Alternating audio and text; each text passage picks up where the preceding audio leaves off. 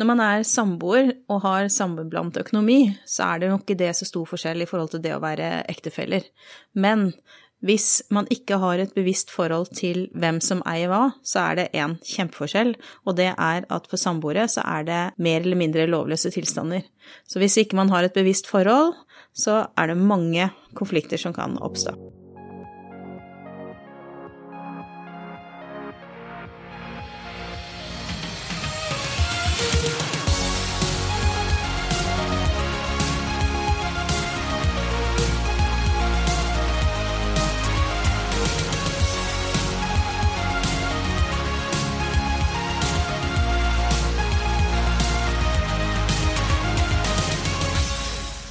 Velkommen til Tennenkast, en podkast hvor vi snakker om ulike temaer som vi mener at det er viktig å vite noe om innenfor eh, familie og arverett.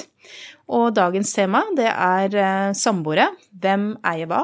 Og som vanlig i studio er eh, advokat Hanne Skrom Espeland. Hei.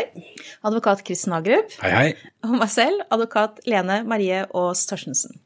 Vi jobber i Tenten advokatfirma og har eh, bred erfaring innenfor eh, familie- og arverett. Som vi sa innledningsvis, så er det jo lovløse tilstander eh, for samboere. Vi har ingen samboerlov, slik som vi har ekteskapsloven for ektefeller.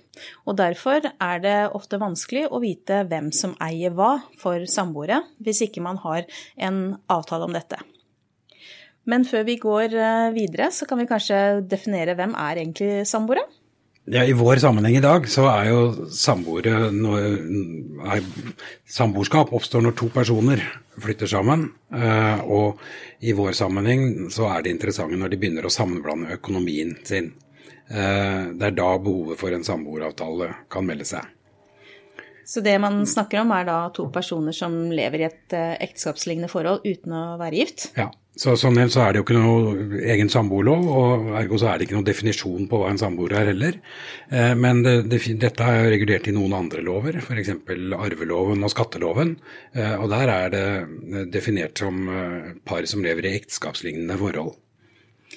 Og man trenger vel ikke å bo under samme tak heller for å være samboere, trenger man det, Anne? Nei, man trenger ikke bo under samme tak. Det er jo Typisk eksempel på det er vel hvis man blir eldre og en av samboerne flytter på hjem f.eks. Eh, så vil man fortsatt anses som samboer selv om man ikke bor sammen. Men det er vel en sånn individuell vurdering for det enkelte samboerpar. Ja, det er det. Og det er vel sånn, et, et, unntak. Ja. Og når det gjelder eh, samboere, så er det jo veldig mange som er opptatt av det med samboere Og da kan vi kanskje si det nå helt eh, innledningsvis, at eh, vi vil spille inn en egen episode om det på podkasten vår. Så hvis man ønsker å vite mer om hvem som arver hva av samboere, så er det bare å følge med på hjemmesiden vår. Da kan man lære mye nyttig om det. Ja, vi snakker jo om eh, lovløse tilstander og hvem som eier hva. Men før vi går videre, skal det kanskje greit å si noe om de formrettslige begrepene som vi bruker for eh, samboere. Det er jo sånn at uh, altså før man flytter sammen, så eier man jo hver sine ting. Og det gjør man selv om man flytter sammen. og vi kaller gjerne det for at man eier disse eiendelene da i eneie. Eh, og eneie i motsetning til det man eier i sameie, som oppstår eh, når man f.eks. kjøper ting sammen. Kjøper man en felles bolig sammen og betaler halvparten hver, så eier man den i sameie. Ja. Så eneie og sameie er begrepene vi bruker eh, for samboere. Et typisk eksempel er jo kanskje hvis et par flytter sammen, og den ene eier en leilighet, og, så, og da er jo den personen den alene. Og så bor man sammen i 30 år. Og der er det noen som tenker at å ja, men vi bor, vi har bodd sammen nå i så mange år, og vi har spytta inn penger i den leiligheten begge to, så nå, nå eier vi den sammen. Og det, det, gjør man jo ikke. Det er fortsatt da den ene personen sitt ene eie. Det samme gjelder jo også hvis eh, en av partene kjøper seg noe underveis i samlivet, f.eks. en motorsykkel. Da er det den personen som eier denne så lenge man ikke har kjøpt den sammen, eller har inngått en avtale om at man skal eie den sammen. Så man må egentlig være mye mer bevisst i forhold til hvordan man bruker pengene sine når man er samboer, med mindre man har en, en samboeravtale. For man har jo ikke det sikkerhetsnettet som regulerer eventuelle urimelige tilfeller da, for samboere, sånn som man har for ektefeller. For ektefeller så har vi også ekteskapsloven, som regulerer formuen mellom ektefellene under ekteskapet, Og da er det ikke like viktig hvem som betaler for den enkelte eiendel underveis. Hvis man f.eks. For har formuesordningen felleseie, da, som de fleste har. Men etter et langt samliv så har jo de fleste en sammenblandet økonomi, og da er det jo veldig lett å, å gå litt surr i hvem som kjøpte hva, og hvis man kjøpte noe sammen, kjøpte man den med like stor andel eller ikke. Og det leder jo egentlig opp til det store spørsmålet, så trenger man egentlig en samboeravtale? bare, bare, før vi går der, så er det litt viktig, viktig å huske på at uh, en samboer uh, gjelder jo typisk i to situasjoner, eller man har behov for den i to situasjoner. Det ene er jo det opplagte hvis samboerne flytter fra hverandre. Uh, så, så, regulerer jo den hva som Eh, hver av dem eier. Eh, men den gjelder jo også dersom en av samboerne dør. Eh, og da skal man diskutere da med den andres arvinger. Og da kan det jo lett oppstå misforståelser. Men jeg tenker det er svaret på spørsmålet, Kristen. At man trenger en samboeravtale. Ja, på en måte var det kanskje det. ja. ja. Jeg tror også det er noe bakgrunnen for at veldig mange ikke er så bevisst på det underveis. fordi at det, det, har ikke nødvendigvis Hvis man fordeler utgifter greit underveis og man føler at ting fungerer, så tenker man ikke sånn hver eneste dag at man trenger en samboeravtale. For det er liksom så langt frem at man skal dø, og man har det så fint sammen. Så du, jeg tror ikke folk ønsker å tenke på det. Man skyver det litt foran seg. Men egentlig så er det veldig viktig med en samboeravtale. For å, det gir en ekstra trygghet å vite, vite, hvordan fordelingen blir, og vite hva man eier. og det tror jeg er veldig viktig det du sier der. Og det er noe med det at eh, vi opplever at altfor få egentlig har et bevisst forhold til hvordan er min økonomiske situasjon den dagen jeg blir alene? Enten ved at eh, vi går fra hverandre, eller at partneren min dør. Og ofte er det jo litt for sent å begynne å tenke på det når man først er i en bruddsituasjon. Og det er klart at en eh, samboeravtale som sier noe om hvem som eier hva, er jo et veldig god trygghet i forhold til å vite hvordan er egentlig min økonomiske situasjon den dagen jeg er alene. Og hvis man ved å skrive samboeravtalen ser at den er egentlig ganske dårlig, så har man jo faktisk litt eh, tid, kanskje, og en mulighet til å gjøre noe med det. Man bør, det, man bør lage en avtale mens man er forelsket. Uten tvil. Det er my mye lettere å bli enige om fordeling av verdier når man er glad i hverandre og har det bra. Ja. Helt klart. Og oppsummert da, så mener vi jo egentlig at alle samboere bør ha en samboeravtale.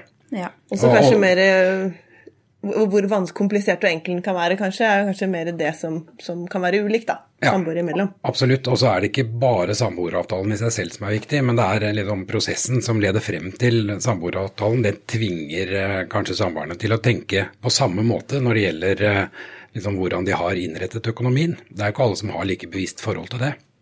Nei. Ja.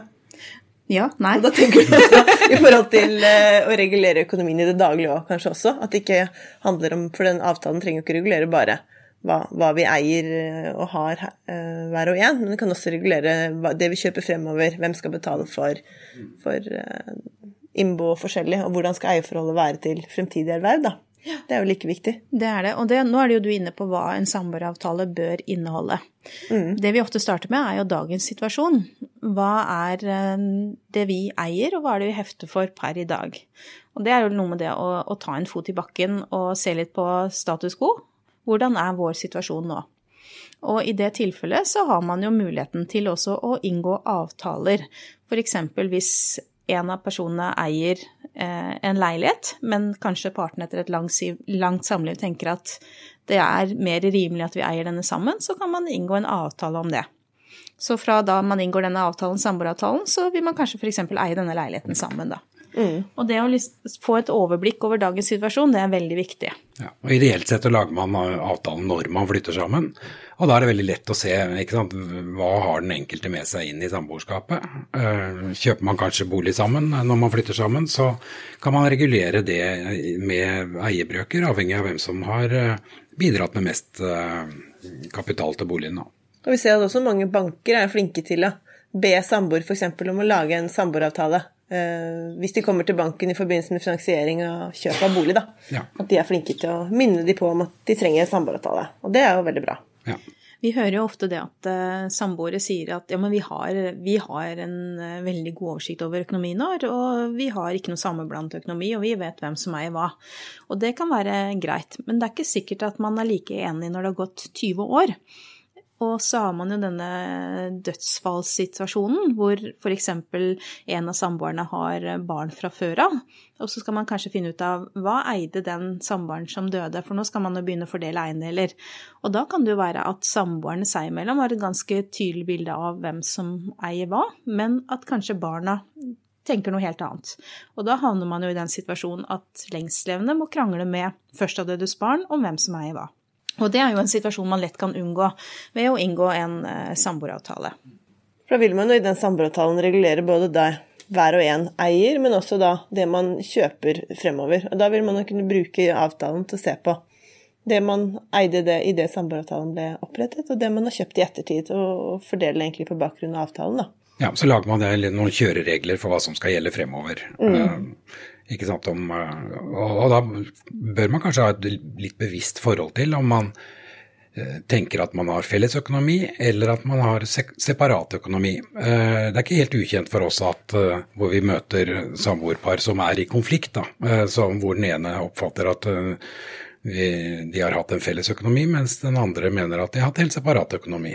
Så det er Fint å få ned på et papir og snakke om på forhånd. Det er helt klart. Vi har jo dette eksempelet vårt eh, med Stig Larsson. Vi, eh, vi, vi liker å bruke det fordi det er jo et ganske sånn tydelig eksempel på hvordan det kan gå for samboere som ikke har en samboeravtale, også et testament. Nå er kanskje det Stig Larsson-eksempelet litt mer sånn retta mot arv, men allikevel så er det greit å ta det med her. Fordi Stig Larsson og Eva Gabrielsen var jo samboere i eh, over 30 år, mener jeg husker. Stig Larsson er han forfatteren, ikke sant? Det er ja. forfatteren. Ja. Millennium-trilogien. Ja. Lisbeth Salander. Ja. Helt riktig. De var jo da samboere i over 30 år, og de hadde jo ikke barn. Men de hadde heller ikke skrevet noen samboeravtale og et testament. Og slik vi forstår det, så når da Stig Larsson døde, så satt Eva Gabrielsen igjen med halvparten av verdien av leiligheten. Og resten gikk jo da til ehm, Stig Larssons familie. Og så kan man jo da spørre seg om det var slik de tenkte det etter et eh, langt samliv. Og ifølge Eva Gabelsen så var det vel ikke det. Etter hva jeg forstår også, så var vel hun også en ganske stor bidragsyter til bøkene også. Sånn at det er mulig Hvis de hadde lagd en avtale, så kanskje de hadde regulert at hun kanskje hadde en eller annen eierandel i dette prosjektet, da. Som ble ganske stort, og det var jo mye penger her. Det var det. Ja. Og så er det igjen tilbake til den, eh, det som vi snakket om i sted. Det å ha et bevisst forhold til hvor, hvordan situasjonen til den enkelte er hvis man blir alene. Det er jo forventningsavklaring, eh, og det er viktig. Det er like... det alt handler om, egentlig. ja, For da er det så mye lettere. Ja. Det er sånn. Snakket om Unnskyld, Kristen? Nei, det er forventningsavklaring. Det, det er jo sånn man unngår konflikter. Eh, helt opplagt. Og tar man det tidlig, så har man på en måte lagt litt løpet da, for hva man kan forvente og hva man skal bidra med hver og en, så er det i hvert fall ikke det som gjør at uh, forholdet ryker, kanskje. Men vi snakker jo om verdier, dagens situasjon, hvem eier hva. Men er det kun verdier i kroner og øre man bør tenke på? Vi tenker at man bør ha fokus på at man tenker på hva er det man ønsker å sitte igjen med. Hva er det som er viktig for meg at jeg sitter igjen med i en bruddsituasjon, enten at man går fra hverandre eller ved død. Og da er jo selvfølgelig det økonomiske ofte veldig viktig, men vel så viktig er jo arvede gjenstander, eh, personlige eiendeler fra tidligere, som eh, man kanskje ikke alltid har helt oversikt over hva som er fra den enkeltes familie. Og for å unngå tvil rundt det, så bør man liste opp eventuelt sølvtøy eller antikviteter eller bilder eller andre gjenstander som man er opptatt av å kunne få med seg videre, da. Ja, for det er jo hva vil jeg ha hvis jeg blir alene? Altså hva er mine ting? Og da kan det jo være en LP-samling, eksempel. Det ønsker jeg å passe på at ikke det blir noen konflikter om, for det betyr noe for meg. Så det, det man skal ikke tenke Altså et samboeravtale er ikke for de som har eh, store verdier. Det er egentlig for alle samboere, for å ha en, et ryddig forhold til hvem som eier hva. Og særlig også når det gjelder gjeld. Det har vi jo ikke vært innom ennå. Men det med gjeld er jo veldig viktig. Altså hvem hefter for hva?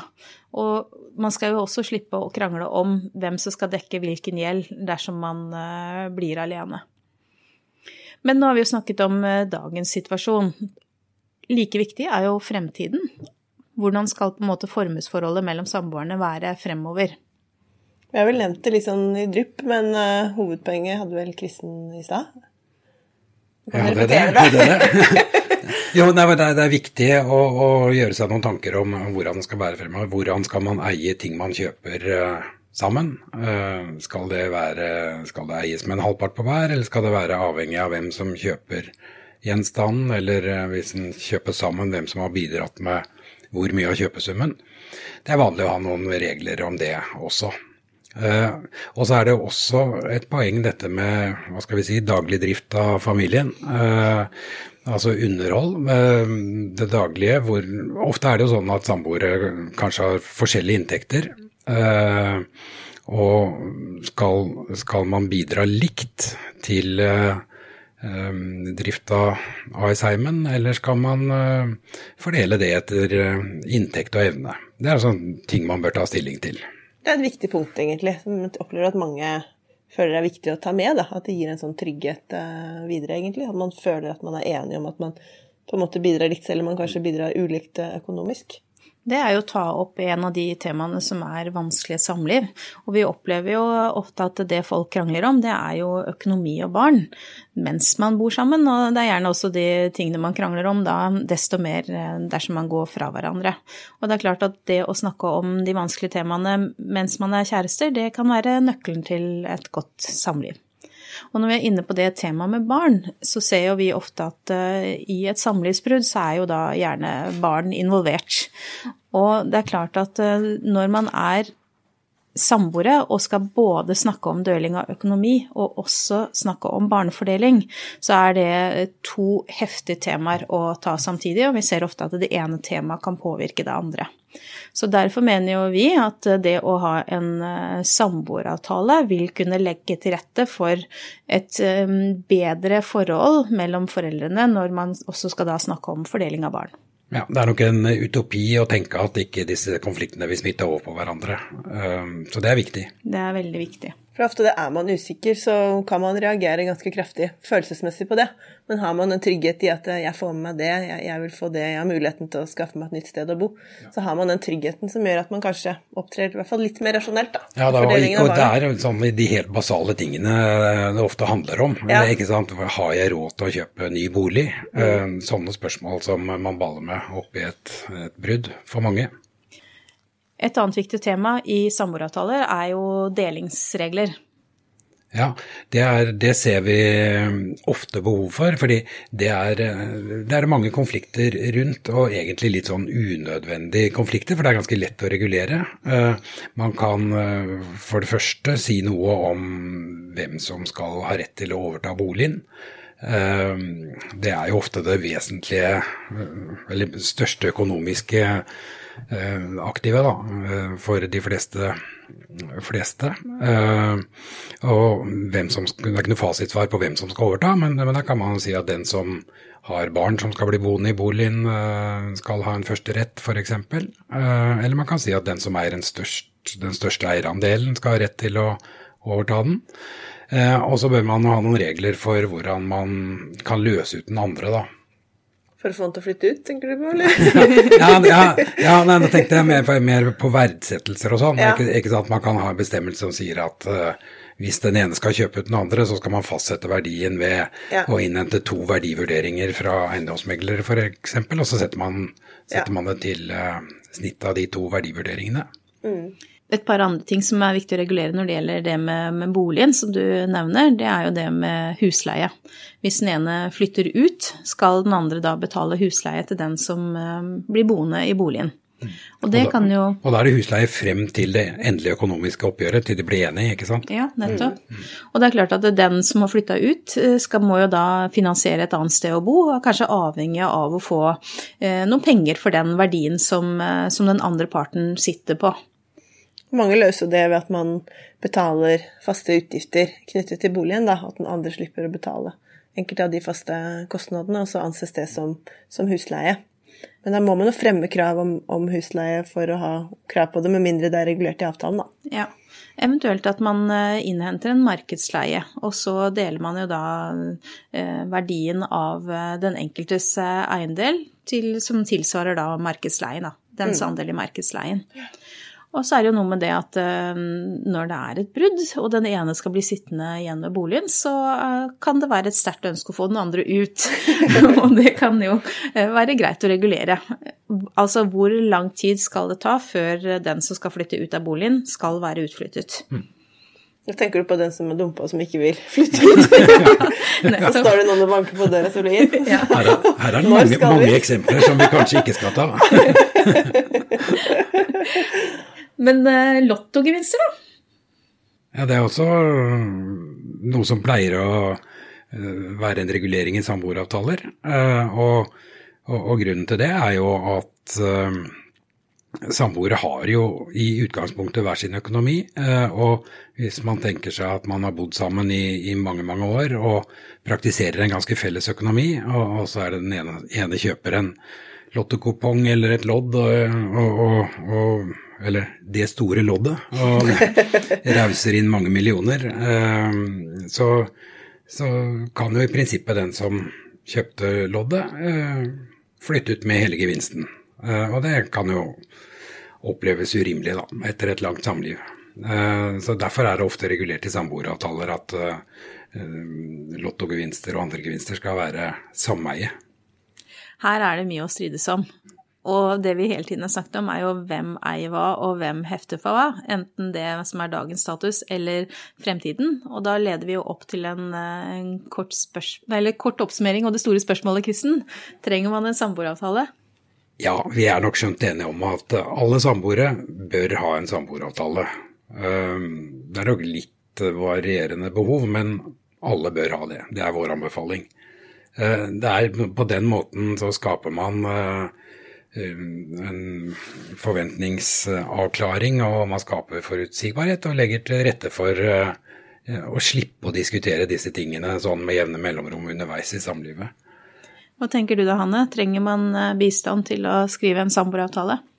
Fra advokat, tenker du? Ja. Jeg mener jo som et utgangspunkt at man trenger bistand fra, fra advokat, men eh, selvfølgelig hvis Det er jo ingen formkrav knyttet til det å lage en, en samboeravtale. Sånn at hvis det er f.eks. studenter som ikke har noen særlige eiendeler av verdi, så kanskje de kan lage en enkel eh, samboeravtale, f.eks. Eh, ellers er det jo ikke sånn Hvis man ofte kommer forberedt til advokat, altså kan man jo gjøre litt jobb selv i forkant. At man lager listen over hva man eier, at man gjør seg opp noen tanker, f.eks. Så kan man i hvert fall lette arbeidet med den samboeravtalen i ettertid. Men da tenker jeg at det er greit oppsummert, ja. Skal vi takke for oss? Takk for. Hei. Takk for i dag.